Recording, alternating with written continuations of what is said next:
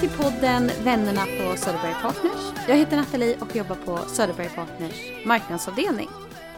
För att avrunda året har vi idag tagit en riktigt, riktigt speciell gäst. Han har jobbat som professionell föreläsare i över 20 år och rankas som en av världens bästa talare. Han har varit med oss på ett antal evenemang och bjuder alltid på ett gott skratt. För andra gången i poddens historia välkomnar vi en extern gäst, Claes Hallberg. Thank you! Hurra! Hej Claes, Tja. välkommen! Tack! Jättekul att ha dig här! Ja, kul att vara här. Och kul att se dig igen. Jag har Ja. inte sett dig sedan Brindisi Oj. i Italien. Ja, det var ett tag sedan. Ja. Och som Jösses. jag sa eh, innan, jag minns inte riktigt vad du pratade om på den föreläsningen, men jag minns att jag skrattade så att eh, ja, jag nästan föll av stolen. Ja, men då tänker jag att det, det är ju ändå säkert tio år sedan. Eh, Ja, så, att, eh, kanske mer. Kanske mer, even more, som vi säger här i Stockholm. Ja, så att du överhuvudtaget kom ihåg att jag fanns då är ju en positiv, tycker jag. en bra grej. Ja, Vi ska börja med eh, några korta frågor som alla i podden får, tänker jag. shoot. Ålder? Jag tror jag tänker efter. Ja, då är det så att eh, 49. Civilstatus? Eh, oj, ja det är trist. Särbo. It's complicated. Nej, nej, det är helt okomplicerat och underbart är det. Men, och särbo. Eh, mycket nöjda särbo säger vi. Ja. Bästa egenskap? Nyfikenhet. Rädd för? Alltså, få, flaxande fåglar har jag haft en liten sån här fobisk tendens till. Typ duvor som kommer och flaxar vid mitt bord. De är så närgångna. Mm, duvor, alltså små fåglar är liksom inga problem. Men, men jag, är, jag är onaturligt rädd för typ såhär, ja men duvor på ett torg i Italien. Det går jag inte igenom helt avslappnat. Så. Nej. Måsar på en picknick? Nej, måsar gillar inte det här med måseriet heller. Det, är jävligt, och förlåt, fy vad de är otäcka. Ja. Skator Sen kanske vi, om vi pratar rädd för eh, på ett mer eh, eh, så här, allvarligt plan så är det inte så mycket jag är rädd för. Men eh, polarisering eh, det, tror jag kan bli ett problem. Ett, ett, ett, ett riktigt problem. Om vi går vidare sen då till eh, din eh, bakgrund och uppväxt. Ja, Det är tvära kast här i podden. ja shoot, shoot, shoot. Vart och hur är du uppväxt? Jag är uppväxt på Herrhagen i Karlstad. Mycket bra, mycket bra ja, område i Karlstad. Familj, syskon, hur ser det ut? Det, det, det, jag är ensambarn eh, och har eh, ja, föräldrar eh, kvar i Karlstad. Och eh, så har jag två barn och så har jag en exfru och en särbo. Stor familj. Ja, och hennes två barn då. bonusbarn, bonusbarn, också? ja. Ja. Eh, är dina föräldrar fortfarande tillsammans? Ja. Ja. Ja, ja förlåt. Ja, nej, det, nej. De, det finns en skilsmässa involverad. Så det finns tre föräldrar kan man säga. Då. Ja, ja, okej. Mm. Men, Men- det var ju otroligt länge sedan. Ja. Och all, alla Jag är, tre? också, vänta, jag är alltså skilsmässobarn. Jag är inte bara ensambarn. Jag är skilsmässobarn också. är du Så jag har verkligen eh, inte haft det lätt här i livet. Det hör ju jag. Ja, jag har varit hårt. Är du ett klassiskt eh, ensamt eh, skilsmässobarn? Ja. Vad det nu... Ja, vad, ja, Vad vad det är nu nu innebär. det? Deprimerad. Nej. Jag vet inte vad ett klassiskt ensamt skilsmässobarn är. Men jag vet att på 70-talet när mina föräldrar mina, äh, skilde sig. Alltså då var det inte Hur gammal var du då? Ja, jag var ju svinliten. Jag var ju typ tre år. Så det var ju super... eh, Det var nytt. De var pionjärer på skilsmässofronten. Så att jag var ju verkligen skilsmässobarn. Ja. Alltså mina barn är ju inte skilsmässobarn på samma sätt tror jag. Utan för hälften av, av ungarna i klassen har ju föräldrar som har separerat. Så Ja. det är inte samma stigma. Inte samma dramatik. Eh, Generellt sett, sen kan det vara individuellt i vissa Ja. När, när, när jag växte upp, mina föräldrar är fortfarande tillsammans, men det var ju nästan ett unikum. Mm. Ja. Alla mina kompisars föräldrar var skilda, nästan. Jaha, Ja, det gick fort då. så att det var tvärtom. Ja, men du har ju, du har ju några år kvar till 49 också. Så att jag, det var väl en halv generation före här. Ja, På, jag tror det var 70-talet som, eh, det var väl då kvinnorna tröttnade liksom. ja, nu är det nog. Nu räcker det. Ja. Hur gamla är dina barn? De är eh, 14 och eh, 11. Okej. Och hur eh, gammal eh, var, eller hur gamla var de när ni skilde er då? Eh, ja, sex och eh, vad blir det? Nio? Men tonåringar, det, det är fullt upp, Ja, eller? Det, ja, det, det är härligt. Ja. De är skötsamma barn. Ja, jo men det tycker jag. För det Absolut. mesta. Nej men jo men de är underbara. Det, är- jag, jag, jag tycker det är lätt och kul att vara förälder. Ja. Härligt. Mm. Ja, det är, så det, ska, det är så det ska kännas. Ja, det tycker jag i alla fall. Att det, det är bra. Det, jag, jag är glad att jag känner så. Ja. Men med en sån eh, glad och sprudlande pappa så smittar det väl lätt av sig. Ja, det gör det väl. Kanske. Jag är nog rätt så glad som pappa också. Och, och, och inte helt eh, kanske... Eh, jag gör inte alltid så strömlinjeformat hemma heller. Nej. Så är det. Hur var du som barn då? Har du alltid varit eh, den här... Fridsam och eh, ordentlig. Hur var jag som barn? Det, det, det är ju helt, jag tror, alltså fråga, det ska man ju fråga någon annan om egentligen. Men, men eh, jag var nog rätt så rörlig. Fysiskt alltså. Här, härjig var jag. Mycket energi. Ja, och jag har ju i en av mina böcker skrivit om hur eh, när min eh, fröken, hette det på den tiden, eh, i lågstadiet sa till mina föräldrar på ett föräldramöte att ja, han är ju inte direkt något läshuvud. den satte sig rätt så hårt och, och det, det tänkte jag det är jag har reflekterat i vuxen ålder av det här med att stämpla ungar. Det kanske inte är så fiffigt egentligen. Nej. Men jag kände ju när jag hade gett ut min första bok och sålt 100 000 ex av den. eh, Då var jag ju väldigt sugen på att skicka, Skicka den. ett, ett ja, signerat ex. Ja. Det borde du ha gjort. ja, men hon var död. Jaha. Och hur eh, ser det ut nu? Du bor inte i Karlstad Nej, längre? Vart bor du nu? I live in the Nacka now. Yeah, that's why I also speak English because yeah, we won't. Ja. Nej, men jag bor i Nacka. Bor eh, din eh, särbo nära? Ja, nej, oj, oj, oj. Ja, nej, men det är väldigt, ja, hon bor i Enskede. Okej, det är väl hyfsat Ja, det är tio nära. minuter med bil Ja. eh, och eh, rätt sida stan så att säga på det sättet. Ingen värdering, norr om stan kan också vara trevligt men det är mindre trevligt om man är särbo och en bor norr och en bor söder. Ja. Nej, svinsmidigt praktiskt och min, eh, vi har en deal jag och eh, barnens mamma att eh, vi bor i närheten av skolan eh, fram till dess att de, ja inte vet jag, någon gång om de börjar på något eh, gymnasium någonstans bortöver så kan man ju börja flytta själv också. Men, men annars, så länge de går i grundskolan så bor vi runt skolan och det känns bra. Och efter skolan blir det San Diego. Sen blir San Diego. Mm. Vad gött. Surf and Sun. Surf and sun. Oh, no. Ja, så är det. Ja, härligt. Hur eh, träffades du och din eh, särbo? Oj, oj, Och vad oj. heter hon? Ja, hon heter Marie. Marie? Ja. Jaha, hur träffades vi? Ja, nej men eh, jag, jag var ju en sån som inte hade tänkt mig att eh, jag skulle vara singel när jag är dryga 40. Så att det var ju väldigt ovant. Och eh, då så sprang jag på henne och eh, så vi aktade oss för varandra i något år. Sådär. Men sen så visade det sig att ja, vi blev lite förtjusta. Så att det, det, var en, det var en långsam typ av förälskelse kan man säga. Och det tycker jag, det har varit bra för oss. Ibland sådana som varar lite längre. Ja, man det- inte så... Så tänker jag att det är nu i alla fall. Man inte kastar sig in i någonting helt. Nej, jag vet inte, det är säkert olika folk. Men jag hade, jag, jag, för mig var det viktigt att eh, vara själv. Ja. Inte hoppa. Eh, Men vad, eh, vad gör du när du inte jobbar då? Ja, Spenderar du fritiden? jag gör ju väldigt gärna ingenting. Ja. Det är min favoritsyssla. Alltså jag, jag gillar begreppet att drälla. Eh, Jag tycker att, att gå runt och drälla det är en för- förträfflig grej. Liksom. Det är fullständigt underskattat och bespottat. Men jag tycker det är... Så att, att, att, att gå runt utan mål och mening en stund hemma. Sen är det klart att jag gör väl... Jag, men om jag...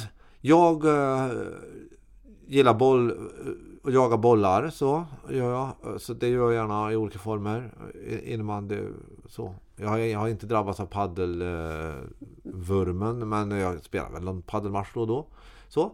Men annars så, så tar jag långpromenader. Det är ju göbbigt men det har jag gjort sen, jag- sen min första krock med träd för tio år sedan så då fick jag ryggstrul.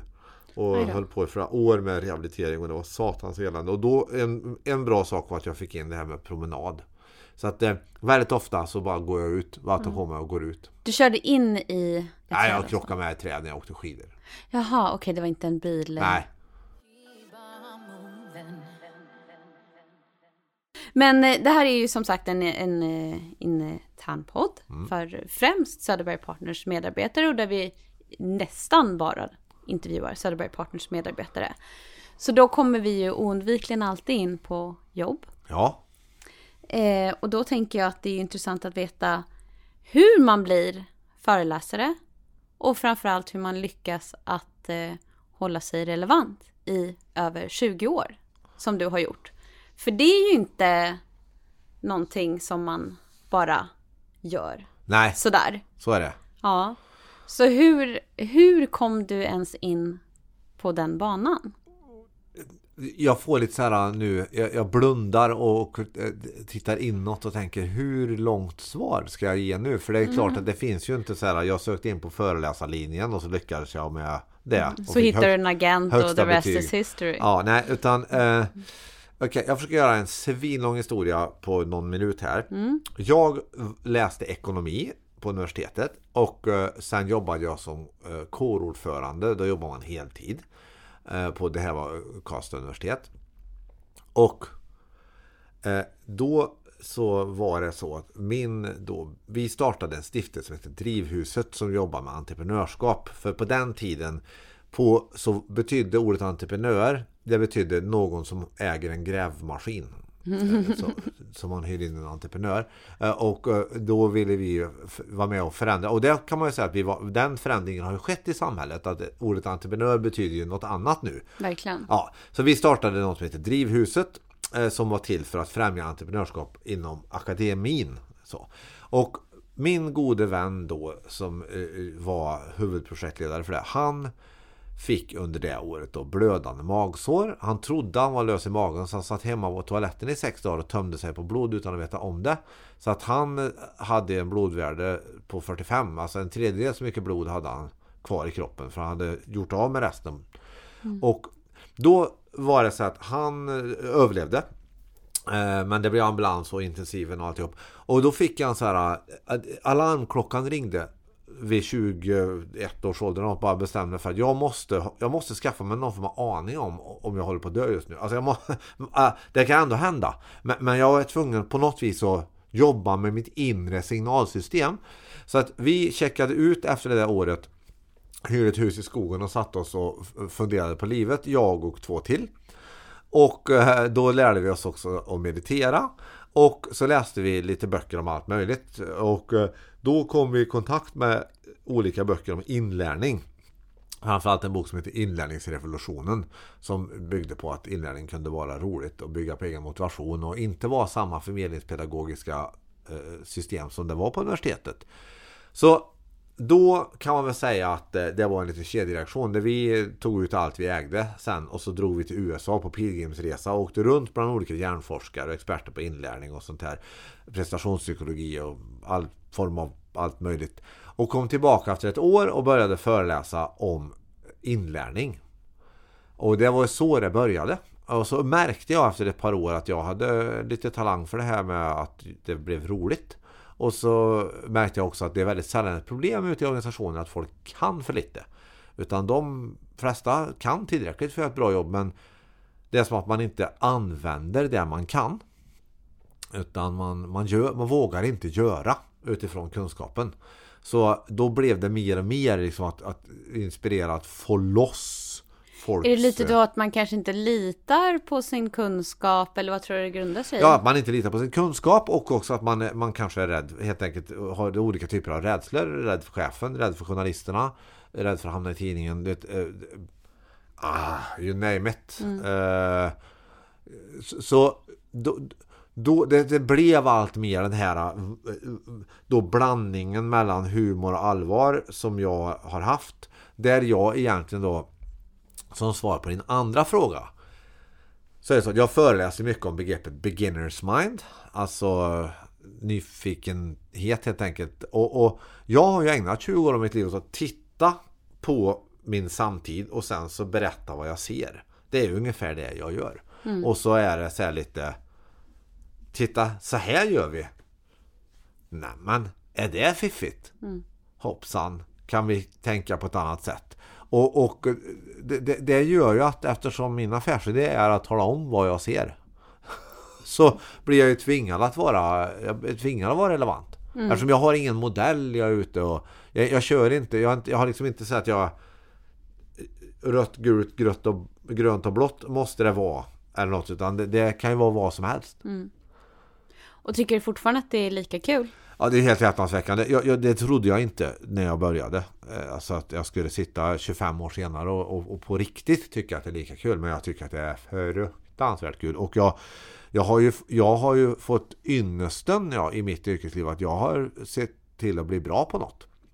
Det är väldigt många i vår kultur nu som inte tillåter sig att bli bra på något. Utan man, det finns någon sån här dogma att när man har jobbat i, i fyra, fem år på ett ställe så måste man eh, flytta på sig för att det inte ska växa mossa på en. Liksom. Och jag, har aldrig, jag, jag kan inte relatera till det som idé.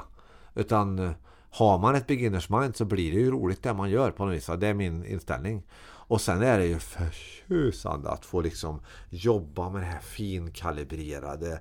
Det, eh, eh, alla de här, så även om jag använder mycket av innehållet det är ju lika under perioder. Alltså nu har jag ju den här senaste boken jag skrev heter ju I kundens skor och då har jag pratat mycket om i kundens skor här nu. Men det är olika sammanhang, i olika det, är, eh, situationer, det är olika dynamik, olika utmaningar. Så liksom att skruva in det här.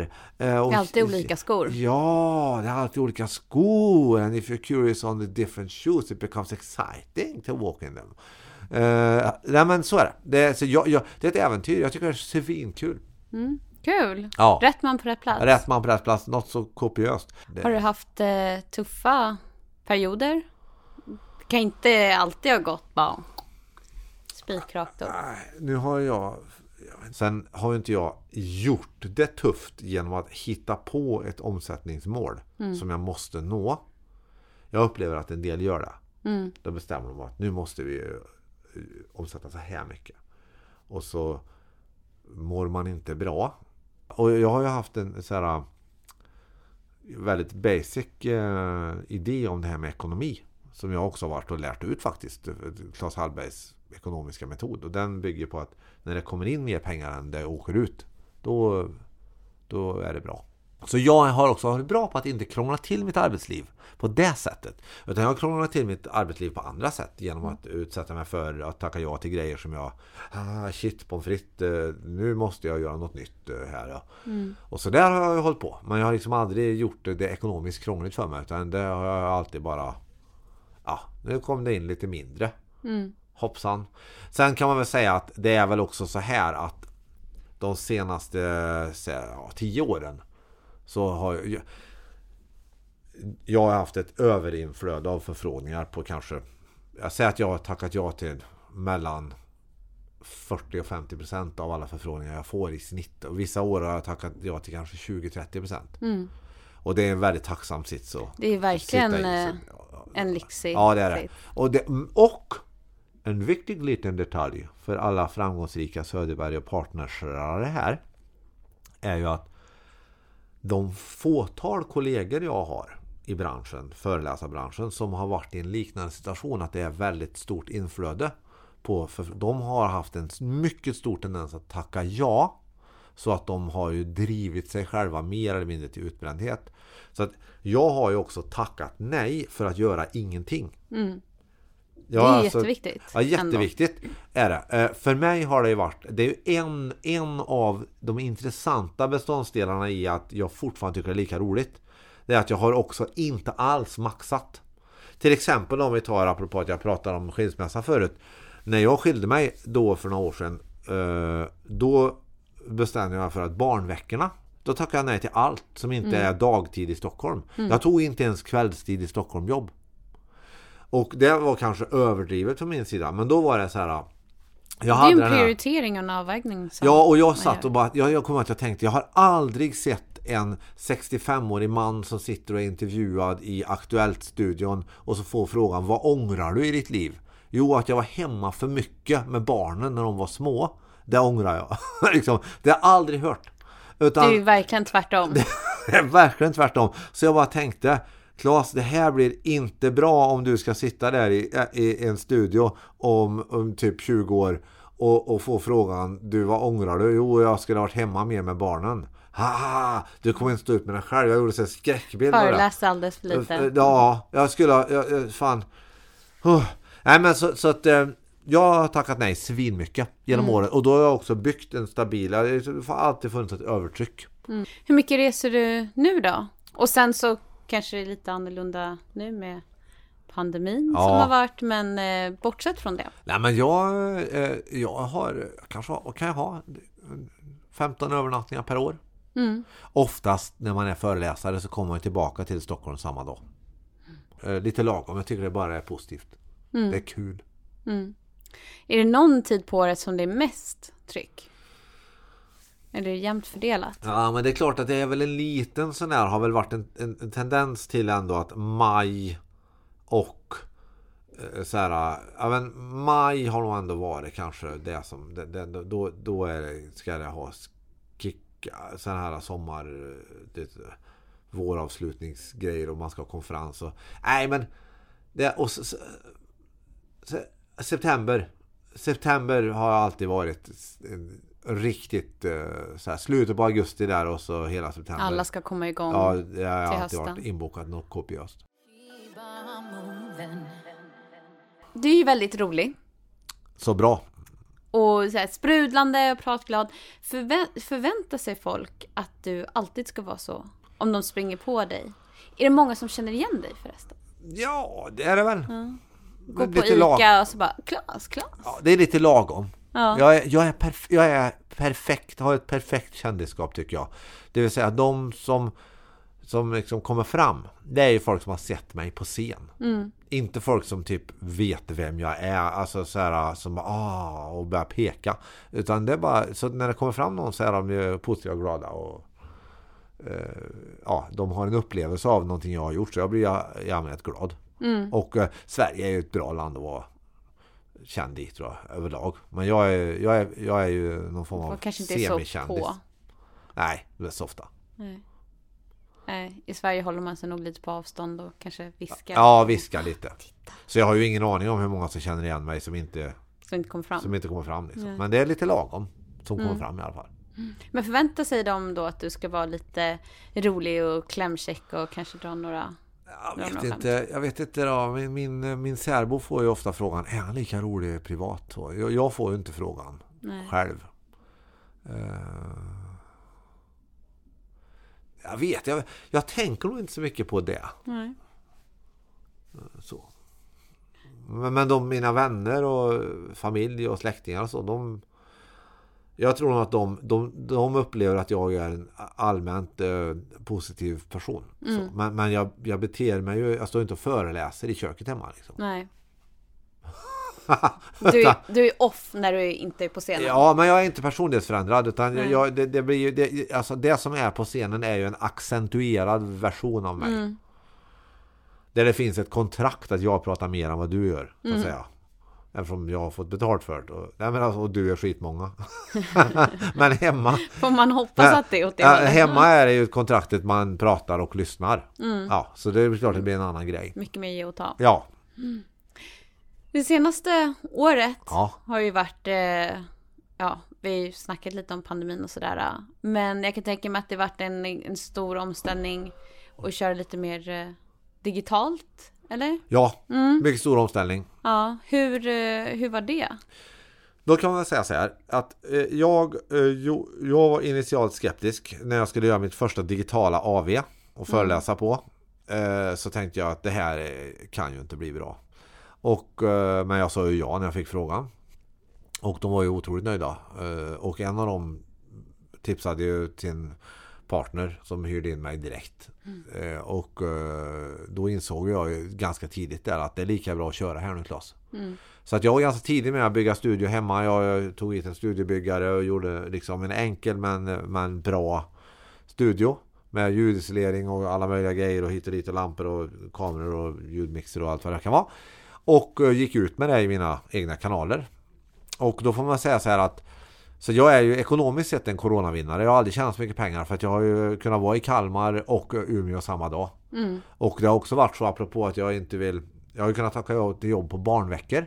Ja. För att eh, för, för min 11-åring att jag är i Kalmar eh, och kommer hem 23.30 eller att jag i en timme säger den här timmen får du inte hoppa på eh, den här inomhusstudsmattan eh, som är ovanför min studio. Studio. Utan, och du får, du får göra något annat. Det är ju inga problem. Nej. Nej, så att, så att eh, man kan väl säga att tre saker framträder. Det ena är att jag har tjänat massor med pengar. Det andra är att det har varit väldigt viktigt. Jag, det har varit, jag, när samhället har varit i kris så har samhället ändå sagt att Claes Hallberg, honom behöver vi. Mm. Det finns en hel del i både min bransch men även jag tänker liksom om vi tar eh, artister som samhället har sagt det behöver vi inte Nej. under det här.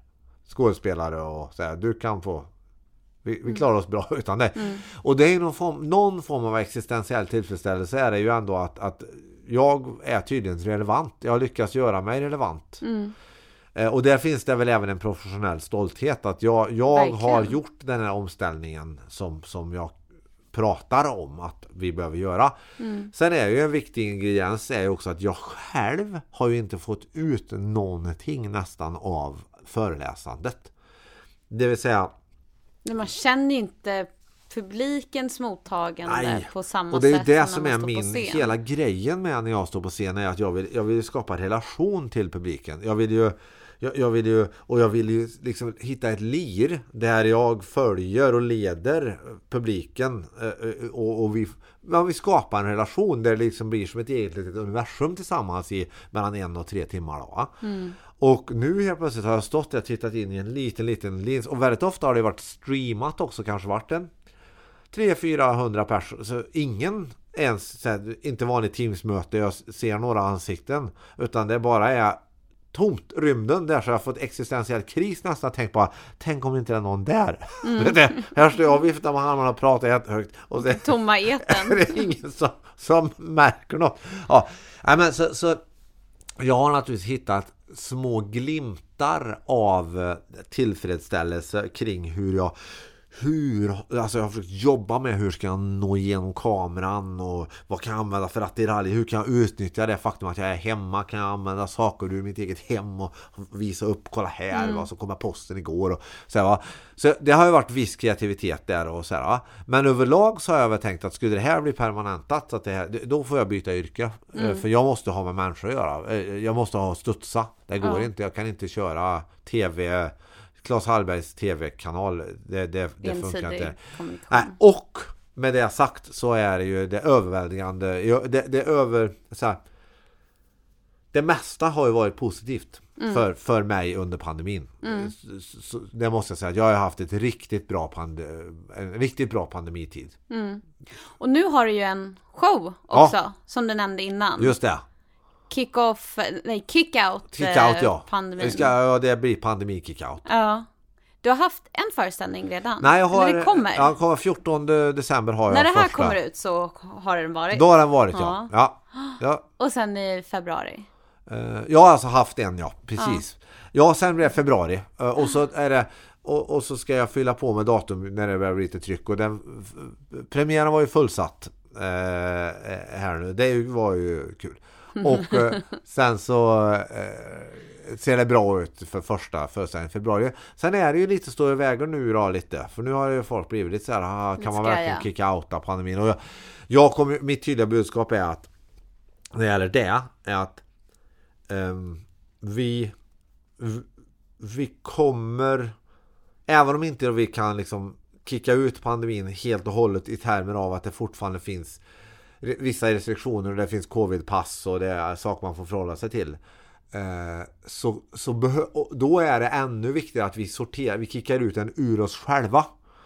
Eh, så att inte den får förlama oss och, vår livslusta. För att för att om det här nu ska hålla på med mer eller mindre rimliga restriktioner då, eh, så, eller, det, Det fall, känns ju som att det här är någonting vi kommer leva med i ganska många år Ja, ska det vara i några år- bara... Ska det vara i några år då är det ju ännu viktigare. Alltså, hela idén med pandemikickouten kan man säga det är bygger på min, mitt tidigare valspråk om att vi ska leva innan vi dör. Mm. För att det, jag, jag tror att det är, det är en högriskstrategi att tänka jag tar det i nästa liv. Liksom. Ja.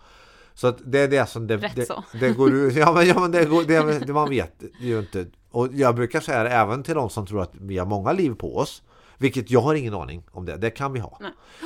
Och min position är glasklar Man är inte medveten om det i alla fall, men du är medveten om det här livet. Ja, och om jag även om jag har många liv på mig så, så är ju det, inställningen måste ju vara att leva alla liven. Mm.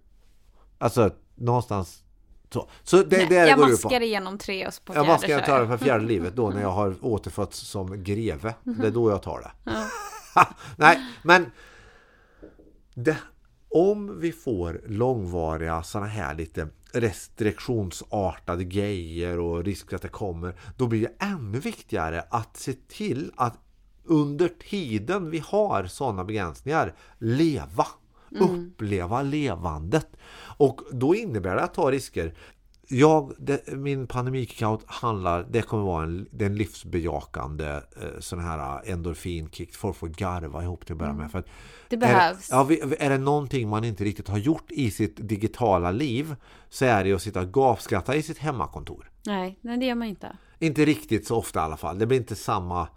Så, så det får folk göra. Man säger någonting så hänger det sig och så, så förlorar det sig. Ja men och även om det, och så, det kan komma ett leende, man kan ha roligt ihop och skratta lite här på Teams också. Men, men det blir ju inte det här att det blir runga, att det, att det, alltså att det, det drar iväg. Det, det, det är svårt va. Eh, Så det ska folk få göra i pandemikickouten och sen så sk- är det också kommer den att handla, det kommer handla lite grann om, om ett av mina favoritteman som handlar om, eh, eller två av mina favoritteman som, som handlar om att förhålla sig till osäkerhet. Det- Och, och för det är ju inget som kom med pandemin egentligen utan det har varit osäkert innan också. Men, och, och, och det andra är att hitta ett, ett, ett så här vuxet och rimligt förhållningssätt till sina egna rädslor. Alltså att syna dem. För det finns saker som är farliga. Till exempel trafiken. Den är farlig, mätbart farlig, farligt. Eh, och sen finns det saker som inte är farliga. Till exempel för mig att bli smittad av coronaviruset. Mm. är inte farligt. Och då måste jag lära mig, måste träna. Se vad är farligt. Mm. Så att jag aktar mig för rätt saker. Ja. Och eh, inte aktar ihjäl mig. Och det tror jag är viktigt. Jätteviktigt. Sen har du en bok också. Ja, I, du nämnde den också, i kundens eh, skor. ja Med eh, Per Kristensson. just det. Och den kom ut i år. Den släppte vi då, den kom ut, eh, eller förra året faktiskt, 2020. Den kom Ja, ut det, då 2021 nu. 28 mars då. Pandemin bröt ut eh, i början på mars. Och vi hade releasepart 28 mars. eh, En, stor, en teater bokade hundratals människor på en gång. ja, det var ju bara att ställa in. Och det var en av anledningarna till att jag också tvingade mig att göra digitala föreläsningar. För att vi sa vi måste ju, nu får vi ju ställa om här.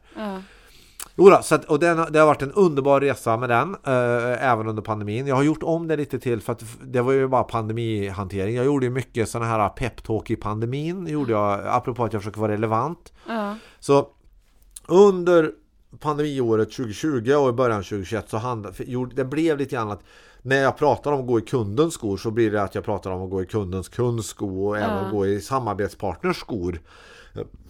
Jag tänker Söderberg och Partners blir ju väldigt svårt att bedriva era verksamhet om inte ni har en fot i era, era samarbetspartners skor. Ja. Alltså som, som vars till exempel eh, produkter och tjänster som ni förmedlar och sådär. Men sen är det myndigheters skor. Ni måste ju också ha foten i ja, i samhällets skor. Och sen så är det ju då va- varandras skor helt enkelt på kontoret. De andra avdelningarna, mina kollegor, mina chefer. Så, så jag har liksom pratat om det nästan utifrån att vi ska gå i varandras skor. Eh, för då får vi ett, ett bättre beslutsunderlag och vi blir starkare när vi ska ge oss ut i en osäker framtid.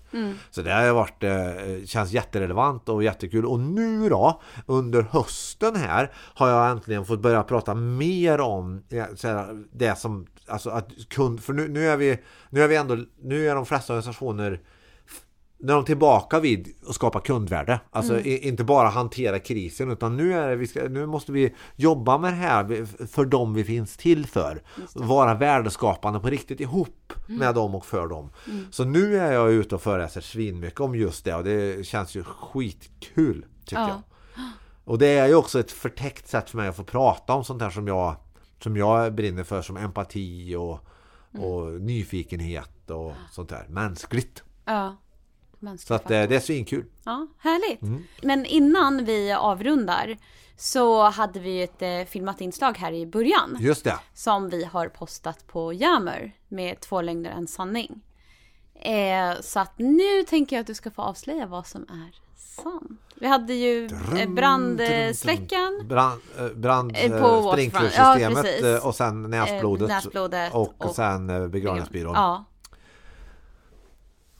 Drum, drum, drum, drum. Ja, nej, men sanningen är ju att jag har blivit utslängd från en eh, begravningsbyrå för att jag påstår att deras eh, största konkurrenter är läkarna. vilket kanske inte är helt fel. Ja, men, så kan man inte säga. Men det var i min ungdom. Ja. Eh, det var inte nyss. Vart du utkastad med huvudet först eller, eller Ja, men- snällt ombedd Nej, att eh, lite gå? eh, nästan handgripligen. Ja, Ut. våldförd. Ja, nej, men, eh, ja, men eh, det, det var... Ja. Jag vet inte vad jag ska säga. Men det är sant i alla fall. Ja. Och det tillhör mina un- ungdomssynder. Men jag tyckte det kunde vara en kul... kul eh, Det är en kul kuriosa. och ett jättekul sätt att eh, avsluta podden Ja, på. att få bli utslängd av en begravningsbyrå, det är ändå inte fel. Att Nej. ha på meritlistan. Nej, det är det inte. Jättestort tack för att du var med oss Claes. Tack för att jag fick vara med. Det var jätteroligt att ha det här. Jag önskar att vi hade mer tid på oss. Det får bli en annan gång. Ja, det blir fler, fler Yes, tillfällen. Det får det bli. Och eh, tack till alla som har lyssnat och eh, får väl önska alla ett eh, gott nytt år. Ja, gott nytt år. Fira på nu. Ja. Känn... Håll inte igen. Nej, nej, nej. Livet är till för att levas. Hurra! Och med det så tackar vi för det här 2021.